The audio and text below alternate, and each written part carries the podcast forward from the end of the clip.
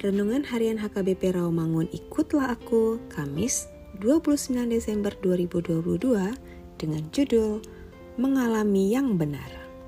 Bacaan kita pagi ini tertulis dalam Mazmur 143 ayat 1 sampai 12 dan bacaan kita malam ini tertulis dalam Wahyu 21 ayat 1 sampai 8 dan kebenaran firman yang menjadi ayat renungan kita hari ini ialah 1 Yohanes 5 ayat 20 yang berbunyi, Akan tetapi kita tahu bahwa anak Allah telah datang dan telah mengaruniakan pengertian kepada kita, supaya kita mengenal yang benar dan kita ada di dalam yang benar, di dalam anaknya Yesus Kristus.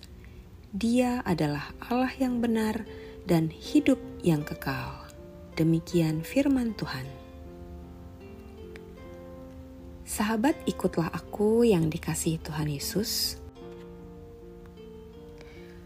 Pengetahuan terdalam akan sesuatu adalah dengan memiliki pengalaman akan hal tersebut.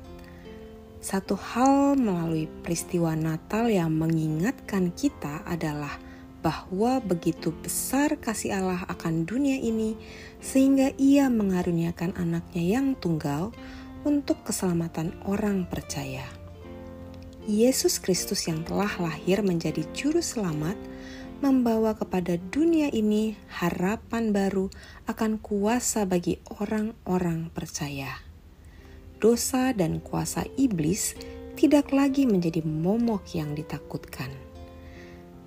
Dalam perjalanan kehidupan, iblis dan kuasanya senantiasa menggoda orang percaya supaya jatuh ke dalam jeratnya dengan memberikan rasa khawatir, ketakutan, kesedihan tiada berujung yang berupaya mengambil damai sejahtera dan pengharapan dari diri orang percaya. Dia yang adalah Tuhan menjadi kebenaran utama dalam hidup kita.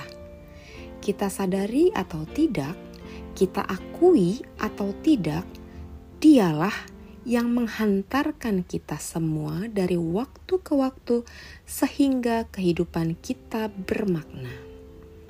Yesus tidak hanya menjadi Tuhan yang jauh atau juru selamat yang tinggal historis, namun Dia sungguh bekerja dan berkuasa dalam kehidupan kita karena Dia adalah sungguh-sungguh Tuhan yang menguasai segalanya dan Raja segalanya.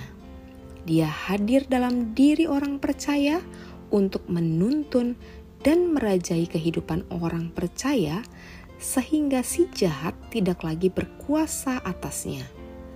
Meski terkadang kita jatuh, meski terkadang kita merasa terpuruk dan hampa, namun Kristus yang hidup dan berkuasa memberi kehidupan senantiasa. Inilah pengenalan itu, yakni setiap orang mengalami kasihnya secara pribadi. Amin. Mari kita berdoa. Ya Yesus Kristus, arahkanlah hidup kami senantiasa hanya mengandalkan Engkau saja sebagai kebenaran dan kekuatan kami. Amin.